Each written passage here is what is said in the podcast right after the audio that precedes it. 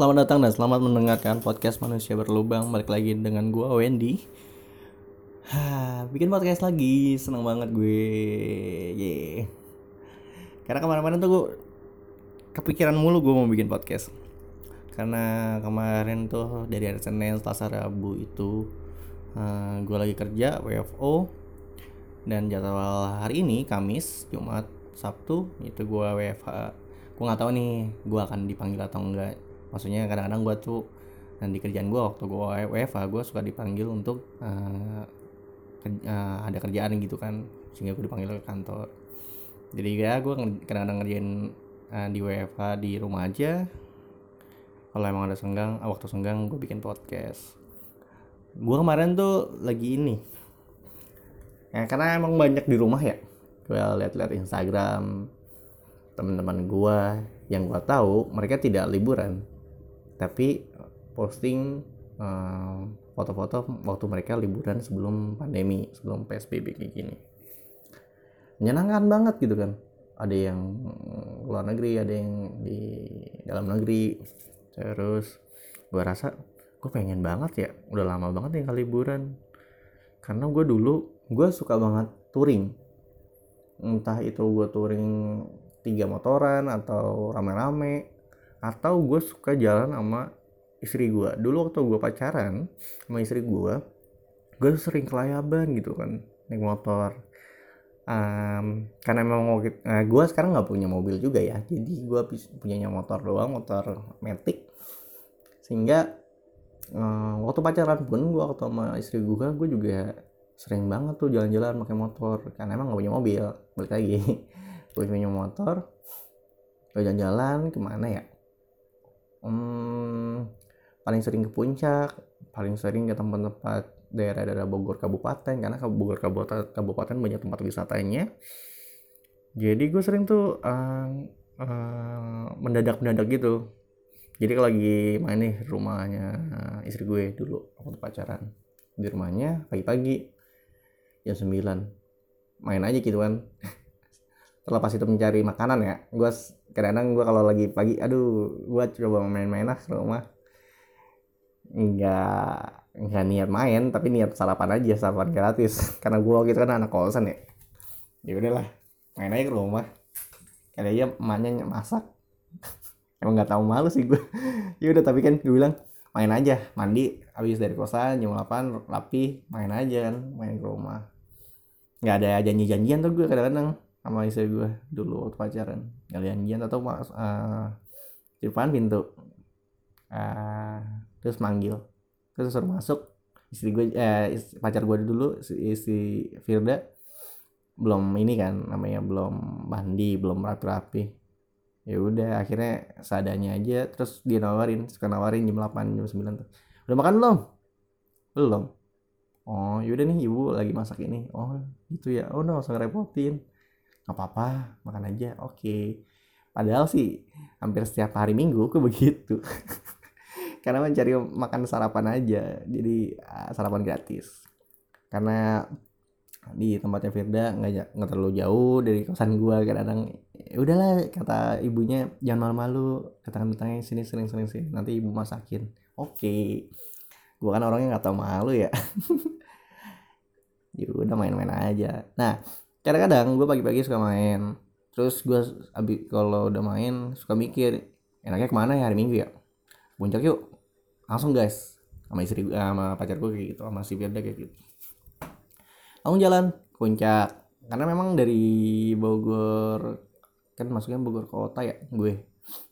Enggak kota, kota sih. Maksudnya jarak dari rumahnya Firda sampai ke puncak itu kurang lebih satu jam. Jadi naik motor juga nggak terlalu capek dulu karena masih muda ya. Masih muda gue masih punggungnya masih kuat. Nggak sakit-sakit eh sakit-sakitan sih. Cuma ibaratnya kalau naik motor begitu dong nggak bakalan sakit-sakitan lah. Nggak bakalan terima efek langsung. Kalau sekarang gue naik motor ya ke, ke kantor aja. Kadang-kadang kalau macet itu pinggang gue sakit. Sakit bro. Tapi kalau dulu tuh 2000 berapa sih? 2013 14 kayaknya segitu. Tuh gue enjoy aja. Mau ke mana aja naik motor ayo mau ke mana aja jadi waktu itu gue yang paling ekstrim tuh siang-siang. Hari minggu jadi gue nggak tahu mau ke mana.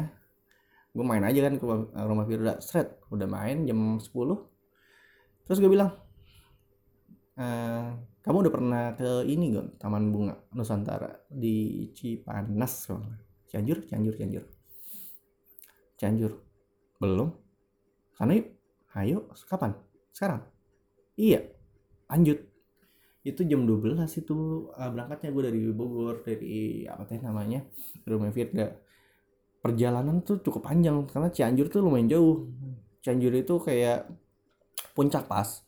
Puncak pas lu masih lanjut lagi tuh. Lanjut lagi ada kali sejam sejam perjalanan dari puncak pas. Dan dari rumah Firda ke puncak pas aja itu butuh waktu sejam atau dua jam ini dua jam deh karena emang kondisinya waktu itu panas dan sempat beberapa kali ban motornya bocor.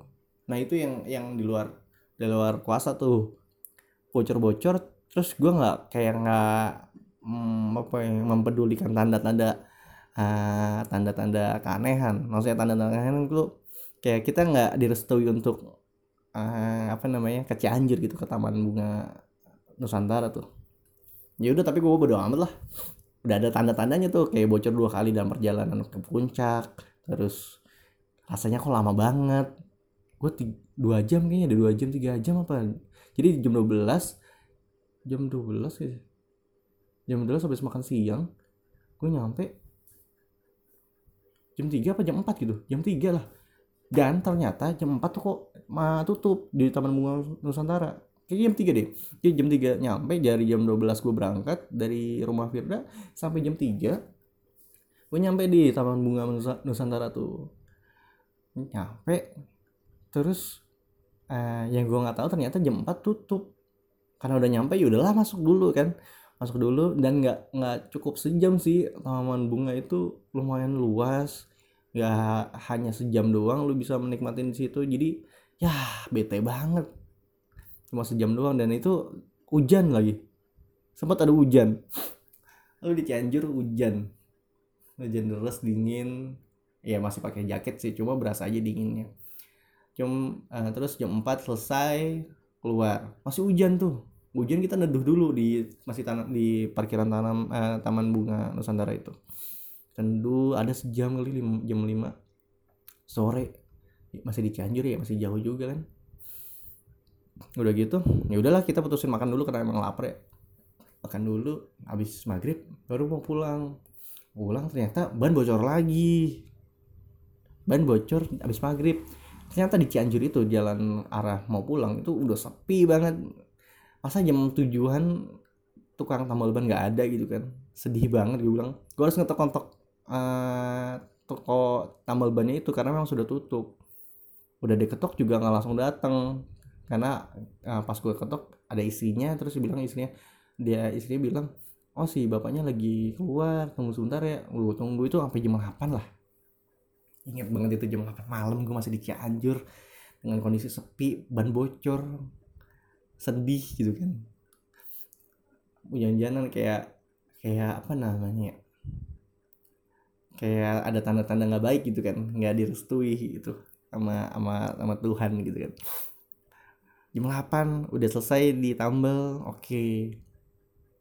tak tahu apa ban belakang masih masih bocor lagi apa masih goyang-goyang lagi. Aduh balik lagi kita balik lagi. Ternyata bannya bocor lagi di tempat yang berbeda.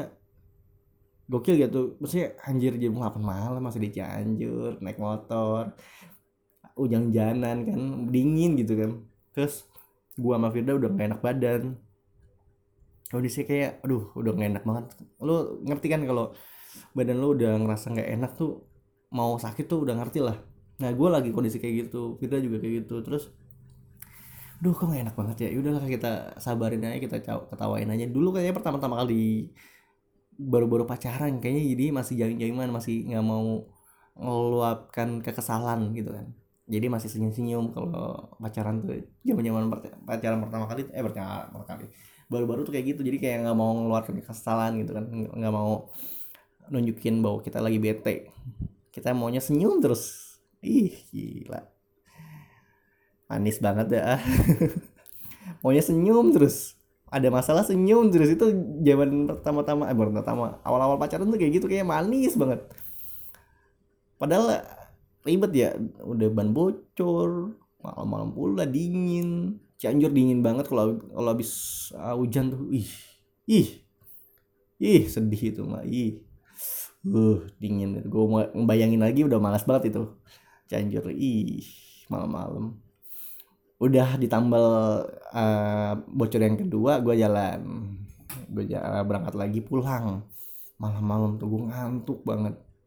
Dingin dingin sampai kayak tulang lo tuh kayak berat gitu kan. Sampai nggak bisa mengendalikan tangan lo kedinginan itu sampai menggigil mm, getarannya sampai nggak bisa lo kendaliin gitu. Nah itu kayak begitulah dinginan. Di puncak abis apa namanya di puncak abis abis hujan. Uh parah. Udah kayak gitu uh, karena waktu itu gue minjem motornya Firda jadi uh, kondisi uh, letak uh, lokasi kosan gue itu lebih dekat daripada rumahnya Firda jadi dia nganterin dulu ke gue ke kosan habis nganterin ke kosan uh, apa namanya ke, ke, halo Halo. Assalamualaikum. Anak gue baru datang. Iya, Udah makan ya, ya? Eh, udah, udah. Tadi sampai mana? Sampai Oh iya, sampai kosan. Udah nganterin kan, udah nganterin. Bila nganterin tuh ke, uh, sampai ke kosan, depan kosan. Udah depan kosan terus itu jam berapa ya jam 11 malam kayaknya deh jam 11 malam di depan kosan gua ada anak-anak uh, muda pada tawuran gila gak tuh udah udah capek badan atau ada yang tawuran di depan kosan itu gila sih. Itu kayak gua mau ngapain lagi nih? Gua mau istirahat sebetulnya. Udah istirahat juga gua masih kepikiran nih bahwa Firda akan uh, berangkat lagi dari kosan gua sampai ke uh, rumahnya dia. Naik motor dia sendiri. Aduh pusing gitu kan. Gimana dong? Ini pakai ada tawuran gitu kan. Tawuran depan rumah eh, depan kontrakan. Depan kosan. Terus gue pura-pura ngelindungin Firda. Kan bukan pura-pura sih. Emang pengen ngelindungin Firda. Soalnya tawuran itu kayak ini kayak ngelempar-lemparan batu gitu buset. Parah banget. Udah lah gue bilang aduh udah pulang malam. Habis dari Cianjur capek dingin bocor terus itu motor.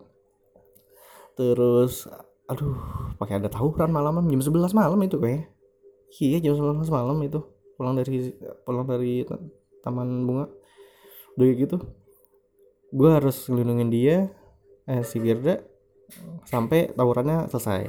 Udah tawuran selesai baru udah Firda tuh pulang. Gue mikirin juga dong dari kosan sampai ke uh, rumahnya Firda kan lumayan jauh 30 menit lah ada. Gue harus mikirin juga nih, gimana nih anak gitu kan. Jadi ya alhamdulillahnya uh, dia pulang dengan selamat. Nyampe rumah dia bersih bersih oke gue telepon.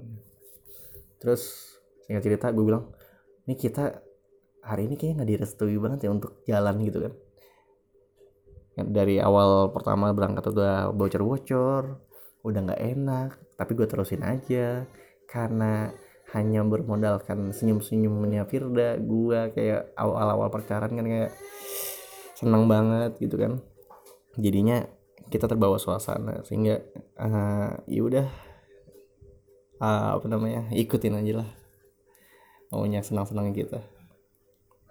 Eh bentar dulu ya nanti gue sambung lagi ya maaf tadi kondisinya uh, anak gue lagi minta main. Temenin temenin main anak gue dulu. Nggak enak kan? Bis tadi makan tadi makan pagi dulu dia. Terus sama neneknya. Terus main sama gue. Nah sekarang udah selesai main sama anak. Balik lagi. Tadi gue ngomongin apa sih? Ngomongin touring ya Iya touring-touringan. Oke turing-turingan. Bentar ya, gue balas WA dulu. Sebentar.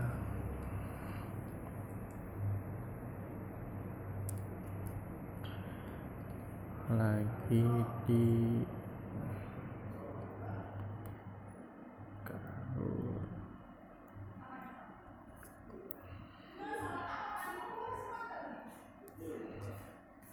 Oke. Tadi ya gue seneng banget touring. Salah satunya cuma eh, waktu itu touring sama istri gue waktu masa pacaran ke Cianjur. Cianjur tadi udah gue ceritain. Terus gue juga touring sama si Firda itu banyak. Banyak banget. Salah satunya lagi di ke Tanjung eh Unjung Genteng, sorry. Unjung Genteng. Itu pengalaman paling apa namanya berkesan sih buat touring. Karena memang gue pakai motor Beat yang suspensi seadanya terus sama istri gue itu boncengnya. Dan beberapa teman gue yang naik motor lagi karena memang eh, teman kantor. Jadi gue ajak, ah, ajak istri gue gitu. Jadi itu itu trip bukan trip ya Hmm, perjalanan paling oke paling berkesan paling parah deh menurut gue itu campur aduk di situ. Karena yang capek banget jauh. Ujungnya jauh tuh kalau udah pakai road trip. Ih parah deh kalau ngebayangin juga gue mau lagi ke sana. Karena emang perjalanannya itu bos perjalanan parah banget. Dan kalau tempatnya sih asik. Ujung Genteng Cipanari kan bikin orang bakalan pengen ke sana lagi. Gue yakin itu karena eh, suasananya enak tempat pantainya oke banyak hal-hal yang asik di situ. Cuma perjalanannya itu loh yang nggak bisa nggak bisa tahan gue. Aduh parah banget sih. Jalannya rusak panjang jauh. Dan eh, kondisinya waktu itu kan gue pasti eh, perjalanan malam gitu kan. Nggak mau karena memang paling apa namanya liburan gua nggak terlalu lama-lama banget. Paling waktu itu gua uh, kunjungan itu sa dua hari dua hari satu malam. Jadi hari Sabtu abis pulang kerja kita berangkat jam 8 ya jam 8 malam. Habis sisa jam 8 malam berangkat dengan kondisi banyak uh, eh semua uh, semua teman-teman gue pakai motor. Ada yang boncengan ada yang sendiri terus kita nungguin teman yang ada di uh, kantor kantor cabang Pajajaran. Karena uh, kita kunjung genteng ha- hanya bermodalkan maps yang tahu yang tahu pers yang tahu persis itu teman teman kita ya di Pajajaran. Ah, kita tungguin dulu tuh mereka bertiga.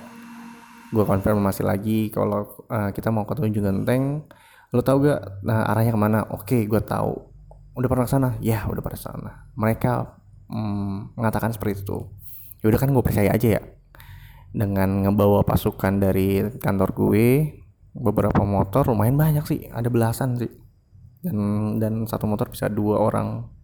Jadi kali bisa kali dua aja gitu kan belasan orang. Dan nggak tahu tuh teman-teman kantor gue tuh nggak ada yang tahu tempatnya di mana sama kayak gue juga nggak ada yang tahu yang tahu hanya di eh, teman-teman yang di cabang Pajajaran jam 8 atau jam 9 kita berangkat ya. Pokoknya nungguin nungguin eh, apa namanya teman-teman Pajajaran jam 9 lah jam 9 malam berang- berangkat. Udah kita berangkat banyak banyak hal-hal yang aneh tuh. Maksudnya ada yang nungguin lah ada teman kita lagi persiapan lah sehingga lama banget tuh persiapan berangkat berangkatnya tuh tadinya abis isa akhirnya jam 9 berangkat jam 9 berangkat malam. Eh sampailah kita kan le- dari dari Bogor kota itu sampai ke arah Sukabumi. Mau arah ya terima kasih. Arah ah, Pelabuhan Ratu dulu. Jadi habis Pelabuhan Ratu bercabang eh ah, pertigaan itu ke kiri itu arah Tanjung Ujung Genteng ke kanan tuh arah Sawarna. Pokoknya kita sebelum Pelabuhan Ratu kita lewatin Cikidang. Cikidang itu tempat bukan tempat perjalanan yang paling oke di situ. Karena tempatnya Cikidang itu perjalanannya tuh apa jalannya itu ini berkelok-kelok. Berkelok-kelok sepi dan cukup bagus. Jalannya cukup bagus cukup rata. Jadi menyenangkan lah kalau perjalanannya pagi atau sore. Ini perjalanan malam bro. Jadi jam 9 malam berangkat dari kota kurang lebih jam 10 atau jam 11 ya sampai Cikidang dan kata orang lokal di sana Cikidang itu tempat yang rawan kalau malam-malam. Jadi hati-hati. Nah yaudah dengan dengan berwawasan eh, dengan informasi seperti itu kita hati-hatilah. Jadi sebelum eh, masuk Cikidang eh, jalan Cikidang itu kita eh, checkpoint dulu di eh, SPBU sebelum Cikidang. Jadi kita isi bensin dulu terus kita makan-makan dulu. Makan malam bukan makan malam sih ini yang memilih lah istirahat dulu sebelum perjalanan Cikidang. Karena Cikidang itu kurang lebih habis satu jam perjalanan karena emang lancar nggak ada hambatan tapi uh, emang panjang aja perjalanannya. Jadi kita istirahat dulu isi bensin di sebelum Cikidang malam-malam tuh ya menyenangkan lah kalau rame-rame lah. Jadi ngobrol-ngobrol banyak hal yang menyenangkan. Kalau ngobrol-ngobrol sama teman-teman touring tuh. Nah teman kita yang dari Pajajaran yang tahu letak uh, ujung genteng itu selalu di depan. Karena dia yang mandu jalan udah selesai istirahat di SPBU kita berangkat masuk ke Cikidang. Udah masuk ke Cikidang memang benar. Jalannya tuh gelap sekali terus ya berkelok-kelok lah. Apa belok kanan belok kiri belok kanan belok kiri. Jadi kayak gitulah kayak ular gitu. Perjalanan lumayan seru di situ. Sampai selesai uh, jalur Cikidang kita kan konvoy tuh nggak boleh ada yang putus tuh maksudnya touring tuh jangan sampai ada yang putus loh sebisa mungkin ya. Bisa mungkin jangan sampai putus. Jadi berjajar semua ke belakang. Itu yang di depan. Yang di depan itu teman-teman yang dari yang tahu letak uh, ujung genteng. Kita percaya aja semuanya percaya. Tapi gue ngerti kalau sampai Pelabuhan Ratu gue udah tahu tempatnya. Gue udah pernah beberapa kali ke Pelabuhan Ratu. Jadi setelah Cikidang selesai sampailah di Pelabuhan Ratu. Pertigaan di mana kita menentukan arah mau ke ujung genteng atau ke Sawarna. Jadi Pelabuhan Ratu itu di tengah-tengah antara uh, dua lokasi itu. Jadi mau ke Sawarna atau ujung genteng kita uh, melewati Pelabuhan Ratu dulu. Tetapi ujung genteng dan Sawarna itu berbeda banget. Jalurnya tuh berbeda. Kalau ujung genteng dari Pelabuhan Ratu ke kiri uh, Sawarna itu adalah ke kanan kalau dari Pelabuhan Ratu sampai perempatan eh sampai pertigaan Pelabuhan Ratu gue bingung kenapa temen gue yang tahu ujung genteng ini katanya tahu ujung genteng ini dia ngambil kanan ambil arah uh, Sawarna. Karena itu rombongan panjang ya rombongan panjang itu ngikutin aja ngikutin aja terus. Tapi gue enggak nih kayak salah jalan. Akhirnya sampai beberapa menit setelah ngelewatin pertigaan itu gue nyusul ke depan nyusul ke depan nah buat ngeberhentiin atau istirahatin dulu lah. Teman-teman yang uh, abis dari Cikidang lumayan capek itu yang nggak berhenti berhenti itu kita nggak bisa berhenti waktu di Cikidang karena memang gelap dan uh, menyeramkan juga kalau untuk berhenti takutnya ada apa-apa ada tindakan kriminal di situ. Ya udahlah takutnya ada begal gitu kan. Dari pelabuhan Ratu belok ke kanan gue berapa menit kemudian gue langsung nyusul ke teman gue yang paling depan untuk ngasih tahu kita istirahat dulu udah nyusul ketemu yang paling depan gue bilang istirahat dulu kita. Nepi dulu ke kiri nyantai-nyantai dulu nungguin teman-teman yang lain. Terus gue tanya sama teman yang katanya tahu tunjuk genteng ini. Bro masih lama? Masih bro. Oh gitu. Kalau Tanjung Lesung eh Tanjung Lesung. Kalau ke uh, ujung genteng itu lah sini ya? Iya bro. Jadi uh, dari pelabuhan ratu belok kanan. Oh. Tapi kalau lihat dari map gue yang di HP kau belok kiri ya? Enggak oh belok kanan. Dia masih keke belok kiri nih bro. Kondisinya nih kalau belok sini belok bertigaan apa pelabuhan ratu nanti belok kiri. Nggak belok kanan. Dia masih keke enggak kok ini belok kanan nih. Habis belok kanan kita belok kiri. Kalau pelabuhan ratu itu kondisinya adalah tepi sungai eh tepi laut jadi sepanjang uh, perjalanan lo kalau habis dari Pelabuhan Ratu ke kanan, itu sebelah kiri adalah laut. Kalau lo nurusin uh, arah sebelah kanan Pelabuhan Ratu, nanti belok kiri, lo ke laut. Gimana nanti waktu ujung genteng lo mau naik motor, eh, naik perahu dari dari Sawarna? Dibengong dulu. Jadi sebetulnya lo pernah gak sih ke ujung genteng? pernah yang gimana fotonya? Itu yang karang bolong gitu. Hmm, karang bolong ya. Ujung genteng sih nggak ada karang bolong adanya di sawarna jadi kalau lu maksud adalah ujung genteng ada karang bolong kalau karang bolong karang bolong itu ada di sawarna dia diam dulu karena sudah sampai sepanjang perjalanan dia taunya salah dia diam dulu. Yaudah gini aja bro.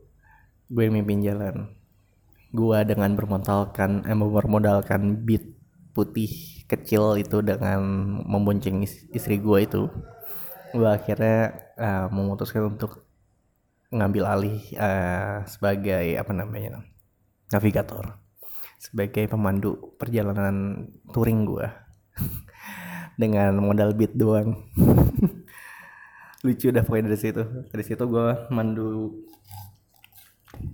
mandu perjalanan yang gue pun nggak tahu ke ujung genteng tuh kayak gimana. Ujung genteng seperti apa tuh gue nggak tahu.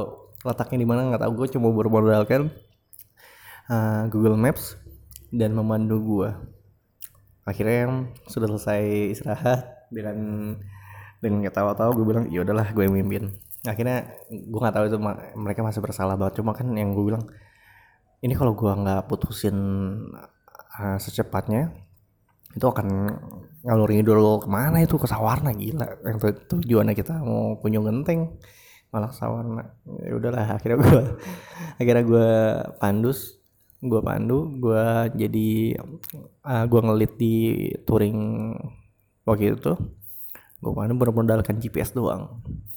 Istri gue gue suruh pegang HP gue yang uh, jaringan internetnya pun nggak terlalu bagus jadi ada beberapa perjalanan GPS gue mati. Jadi handphone gue nggak bisa ngelacak uh, keberadaan kita di mana gitu kan. Itu uh, kalau dikasih tahu warga lokal warga lokal Cikidang itu membahayakan saat malam-malam takutnya ada begal daerah ke arah ujung genteng pun itu nggak kalah seremnya daerah Jampang Jampang Surade itu terkenal uh, banyak begalnya juga kan. Banyak banyak tindakan kriminal juga di situ. Dan perjalanan itu jauh banget. Jauh dan dan jelek jalannya. Badan sakit-sakit pasti itu habis dari situ. Coba kita terusin aja karena memang udah sampai sebetulnya kita bisa putusin kalau pelabuhan rata itu cukup. Cuma udah ada pantai. Cuma kan uh, experience-nya pengen yang baru gitu kan Ujung Genteng tuh belum pernah coba semua akhirnya. Yang tadi katanya tiga, teman gue dari Pajajaran tahu ternyata mereka juga belum tahu kan ke ujung genteng kayak gimana. Ya udah. Baru modalkan nekat jam berapa ya? Jam satu jam dua pagi deh kayaknya. Jam satu pagi kayaknya. Kita mutusin yaudah kita berangkat lagi dari pelabuhan hatiku ujung genteng. Gue yang mandu banyak banyak missnya tuh. Banyak yang kayak salah jalan anak-anak teman-teman gue pada di belakang pada mencar-mencar akhirnya banyak berhenti berhentinya juga. Itu yang bikin lama di perjalanan unjuk genteng sampai di mana gue nggak dapat sinyal untuk GPS gue jadi pas sampai pertigaan lagi gue gue berhenti nungguin teman-teman eh bukan teman nungguin teman-teman yang lain nih pada pada ngikutin kita berhenti di pertigaan. Ada kanan ada kiri. Gue bingung karena GPS gue tidak mengarahkan gue ke mana pun. Berhenti aja gitu kan GPS-nya mati gitu. Sinyal aku sinyal nggak bagus itu jam pagi jam satu jam 2 pagi lah. Akhirnya kita cuma cuma uh, cuma pengen nanya-nanya aja. Cuma nanya di sana juga nggak ada nggak ada yang bisa ditanya. Nggak ada orang-orang warga lokal juga udah pada tidur kali. Jam satu pagi mah akhirnya kita mutusin untuk berhenti dulu istirahat dulu di pertigaan sambil ngeliatin orang-orang pada touring arah mana. Karena kemungkinan besar mereka arah ujung genteng juga. Jadi hmm, sembari mereka jalan sembari kita nanya-nanya juga akhirnya ada rombongan touring juga selain kita uh, lewatin jalan sebelah kiri. Terus kita teriak-teriaknya ujung genteng mana ujung genteng? Ya udah sebelah kiri sebelah kiri. Nah berdasarkan seperti itu doang kita bisa menentukan jalan ke mana arah kita. Dari situ gue ng ngelit lagi gue mimpin lagi perjalanan sampai di warung kopi. Warung kopi juga warung kopi biasa-biasa aja di pinggir jalan. Karena gue rasa gue capek banget teman-teman gue juga pasti capek banget ini perjalanan karena kita banyak nunggunya banyak teman-teman yang mencar. Wah itu kalut banget sih chaos banget itu tuh. Gue rasa gue juga gue butuh istirahat juga ya nih. Kita nungguin di warung uh, pinggir jalan. Ngopi-ngopi makan-makan jam 3 pagi. Kayaknya sih jam 3 pagi. Kayak gitu jadi kita istirahat dulu sejam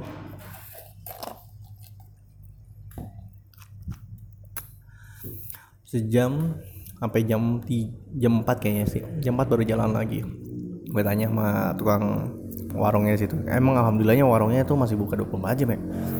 Cuma gue nggak tahu lagi mau nanya siapa kan. Gue tanya ini perjalanan ke Ujung Genteng berapa jam lagi? Sejam lagi. Wadaw. Sejam atau dua jam yang ngomongnya dia sejam setengah katanya sih. Ya udahlah gue ikutin aja lah. Akhirnya kita sampai di Ujung Genteng itu sejam. Jam 5 subuh kita udah sampai. Dengan kondisi gue kan bawa istri gue ya bawa pacar gue uh, keputusan untuk um, milih homestay itu ada karena emang bawa cewek. Temen gue juga pada bilang udah um, pilih homestay aja kita biar biar nyaman gitu pilihan um, nyari homestay di ujung genteng juga cukup salah. Karena nggak nyaman nyaman banget dan mahal termasuk mahal. Ya ibaratnya kita cuma naro naro pakaian doang itu bisa berapa ya? 500 600 padahal cuma naro pakaian. Akhirnya kita nggak nggak ini nggak lama-lama banget nggak sampai satu hari full. Di ujung penting karena kita uh, main-mainnya cukup banyak. Itu menguras energi ya semalaman tidak tidak istirahat full tidak istirahat tidur gitu kan. Cuma menepi menepi doang istirahatnya. Pagi-paginya jam 6 pagi itu kita main-main lagi dan uh, tidak memuaskan hasrat. Karena dari jauhnya perjalanan kita tidak terbayarkan saat kita di ujung genteng. Karena yang kita lihat di ujung genteng itu pasirnya hitam kotor banyak nelayan menepi apa maksudnya perahu-perahu nelayan menepi. Itu kotor banget gue bilang ini ujung genteng kayak begini apa ya? Kayak kita nggak nggak sepadan apa yang kita lakukan perjalanan semalam gitu kan. Sempat sempat pada nggak semangat sempat pada pada pada semangat lah. Udah kayak ah tuh gila gue capek-capek tadi malam. Sampai sini begini doang. Ya udahlah capek aja tidur aja lah tidur aja dulu. Udah tidur terus gue searching searching kan. Masa rombongan gue berakhir tidak puas dalam perjalanan ini gue nggak mau kayak gitu kan. Gue cari-cari lagi ternyata di Unyu Genteng tuh ada beberapa tempat wisata namanya uh, Penyu tuh Penangkaran Penyu sama Cipanarikan. Dua trip ini yang harus kita eh Cipanarikan uh, Penangkaran Penyu sama hmm, Cikaso Curug. Curug Cikaso. Ada tiga. Terus gue harus milih nih biar teman-teman pada semangat lagi. Masa capek-capek ke sini cuma begini doang gue nggak mau kayak begitu. Akhirnya gue putusin untuk segera ngambil ya, ngambil perjalanan lagi trip lagi dari ujung genteng ke Cipanarikan. Tadinya mau ke penangkaran penyu ya cuma kayaknya jam penangkaran penyu itu kalau mau lihat penyu apa masukin lautan itu dari pantai masukin lautan tuh kayaknya ada jam-jamnya kayak kalau bukan sore kayaknya pagi deh.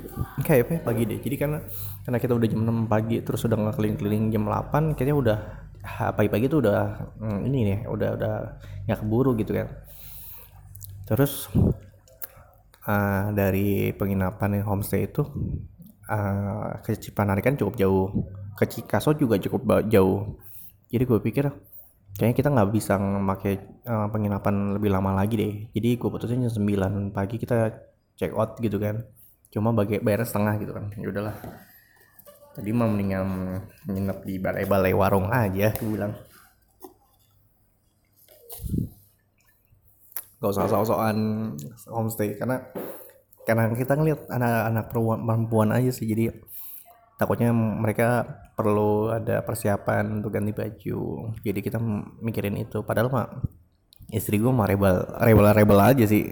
Slow slow aja sih nyantai aja dia mah orangnya uh, jam 9 jam 10 pagi di Ujung Genteng kita putuskan untuk ke Cipanarikan. Cipanarikan juga jalannya nggak terlalu bagus.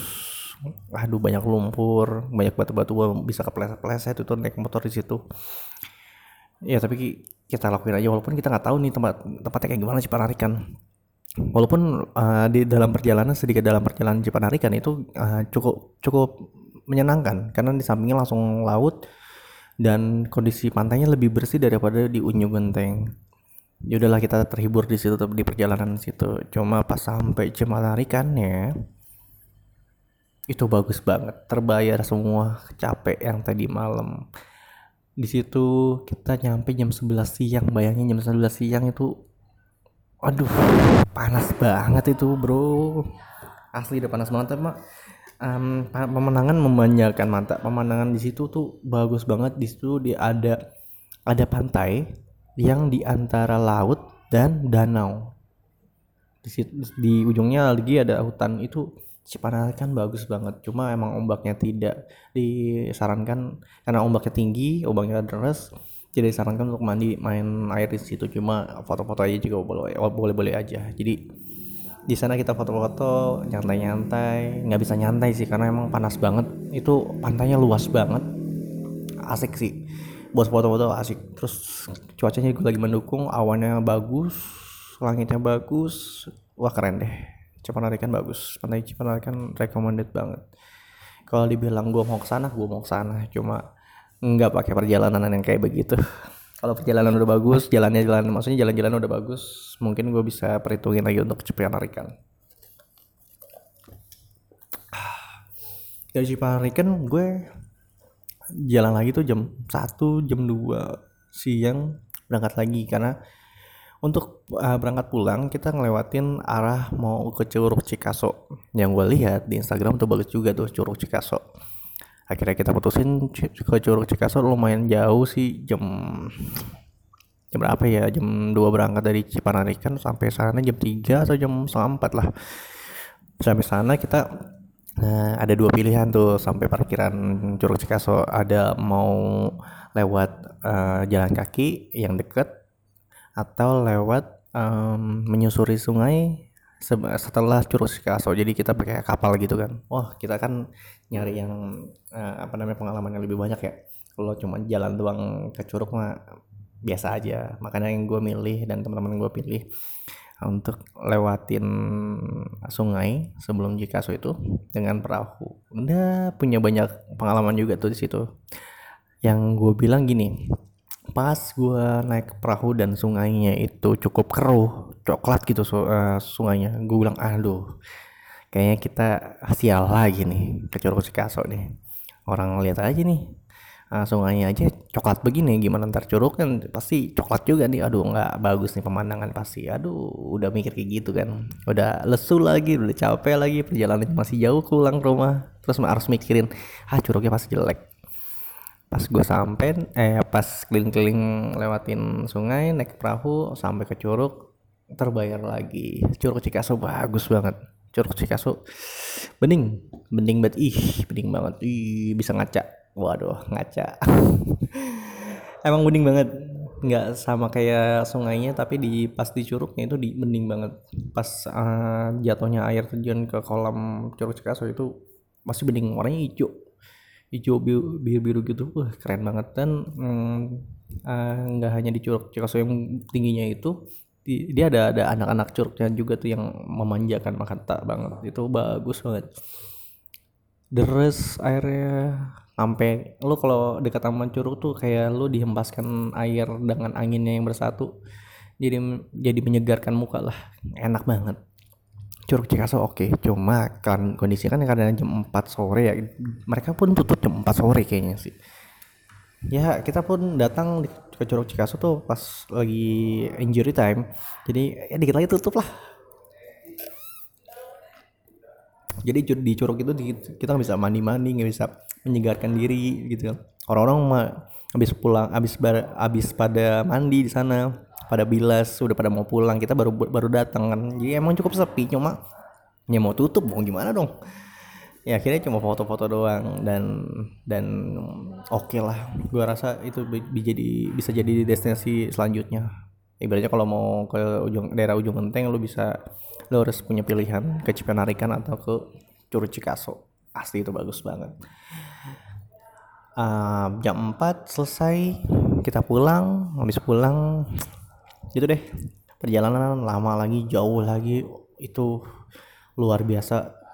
Uh, apa namanya? Luar biasa menyebalkan lah. Capek banget. Gimana sih kalau lo capek?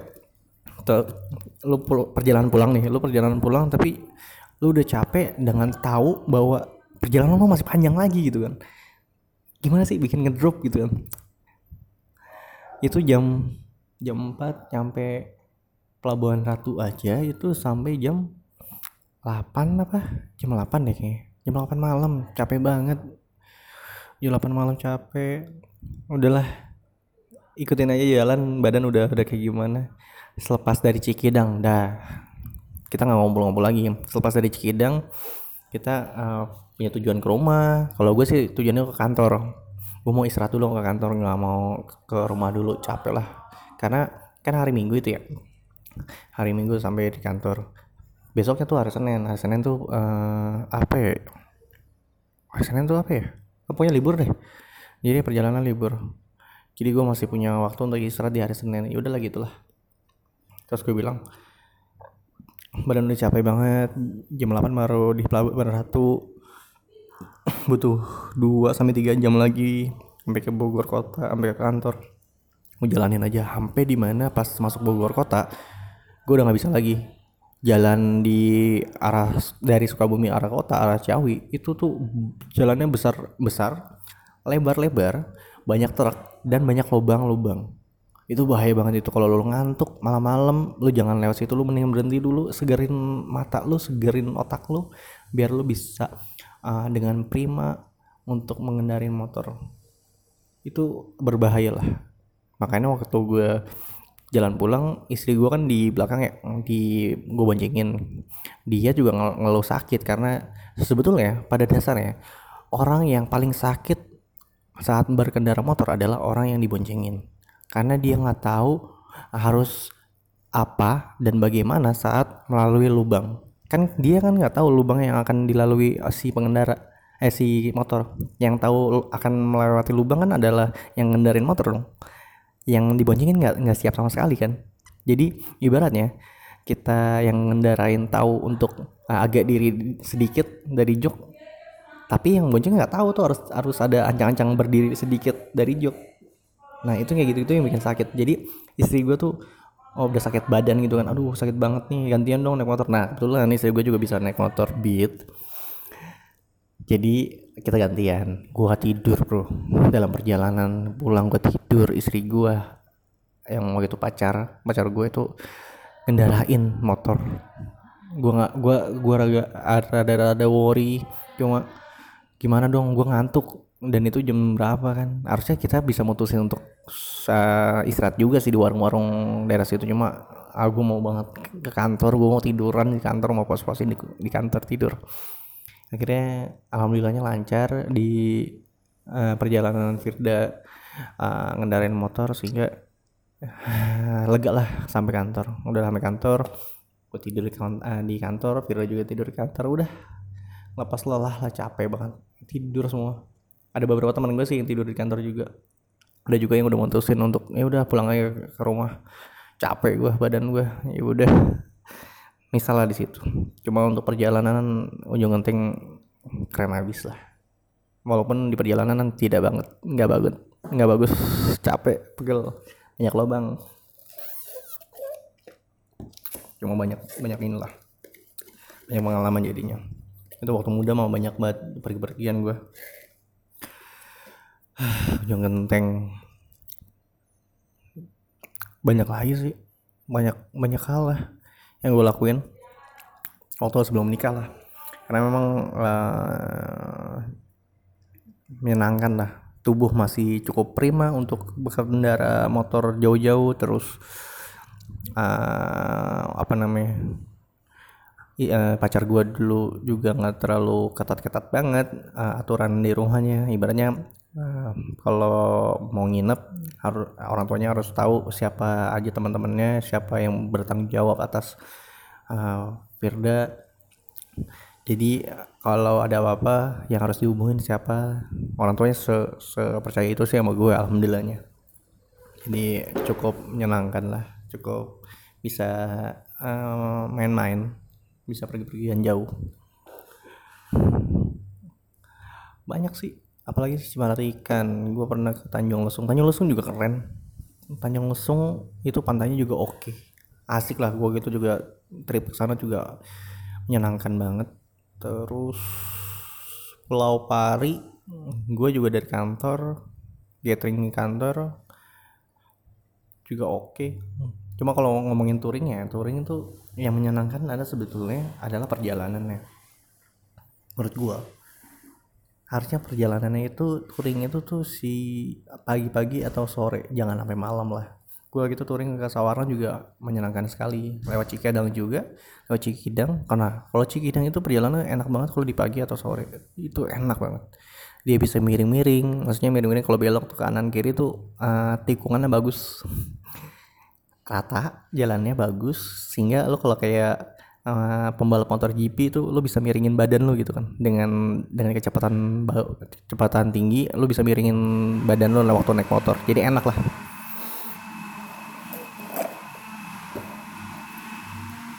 Menyenangkan lah. Touring itu asik gitu. Touring itu asik kalau sama teman-teman dekat lo.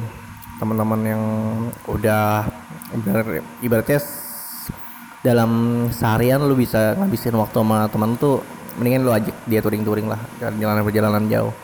Selalu menyenangkan. Soalnya kalau menghabiskan waktu 24 jam tidak dengan orang yang tidak menyenangkan tidak nyambung lah ya. Itu membuat lo susah lah. Ribet lo gimana? Bayangin aja kalau lo ketemu orang dan lo harus touring nggak ngobrol sama teman-teman lo pasti bosan banget sih. Makanya gue pengen banget touring. Nih gara-gara teman gue yang posting-posting uh, perjalanannya di luar negeri atau dalam negeri tuh tempat wisata gue jadi pengen banget touring. Pengen perjalanan-perjalanan kayak gitu. Pengen ke tempat wisata-wisata gitu.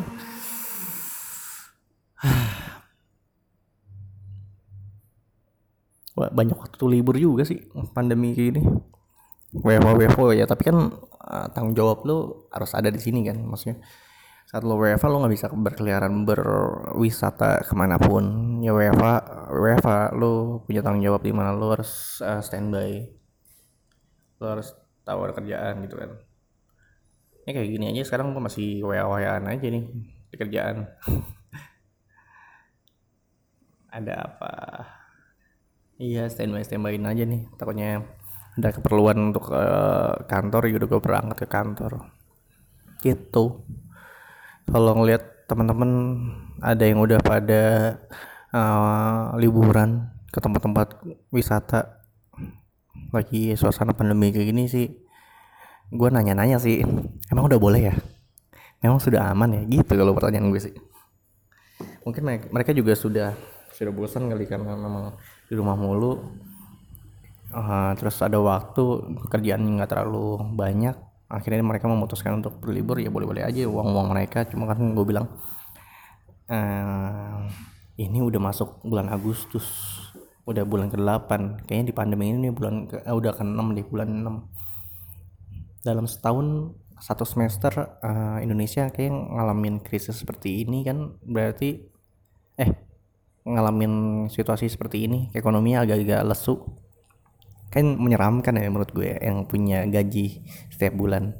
Takutnya uh, takutnya um, gaji ada beberapa tunjangan yang dipotong karena kebutuhan operasional atau nanti bonus nggak dapet atau yang lebih parah lagi ntar kalau ada PHK PHK gue sih menakutkan ya untuk membayangkan bahwa ekonomi Indonesia agak-agak lesu sampai saat ini orang teman-teman gue juga banyak yang di PHK mau kerja apa mereka gitu kan. Sedangkan setelah di PHK kan mereka kan nggak nggak semata-mata langsung bisa dapat kerjaan baru kan.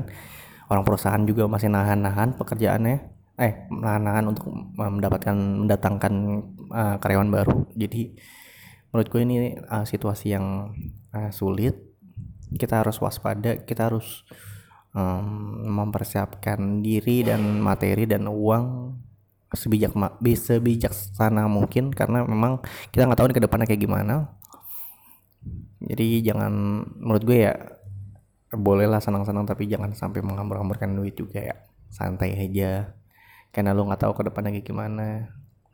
Jadi uh, simpan simpan uang dengan baik gue juga udah bosan banget ini di rumah-rumah gini kalau kalau nggak di kantor rumah kantor rumah. Pengen keluar gitu cuma punya tanggung jawab punya bawa punya uh, harus bijaksana untuk ngelola keuangan saat-saat kayak gini.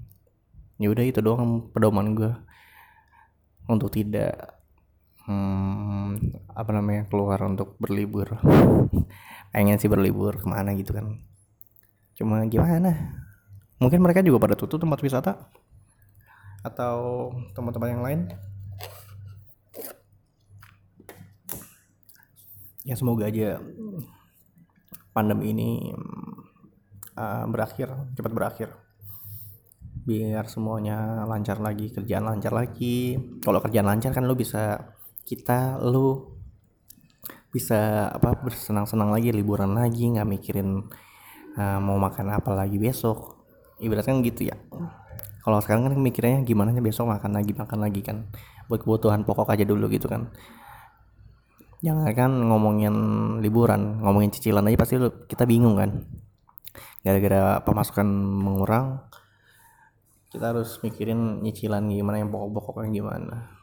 Ya gitu deh. Banyak teman-teman gue juga uh, yang saving jaga-jaga pengeluaran jangan sampai berlebihan. Yang bahaya ini ini nih yang bahaya adalah belanja online. Serius deh. Nih beberapa bulan ini gue masih belanja online gue bilang masih boros juga gue ternyata.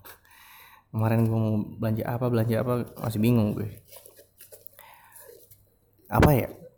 Nggak nggak terbendung aja. Kadang-kadang malah belanja lagi belanja lagi padahal nggak tahu ini yang penting yang mana kita pun kalau sudah mencukupi yang pokok-pokok kita harus uh, bijaksana juga untuk menahan diri untuk tidak membeli-beli yang tidak perlu.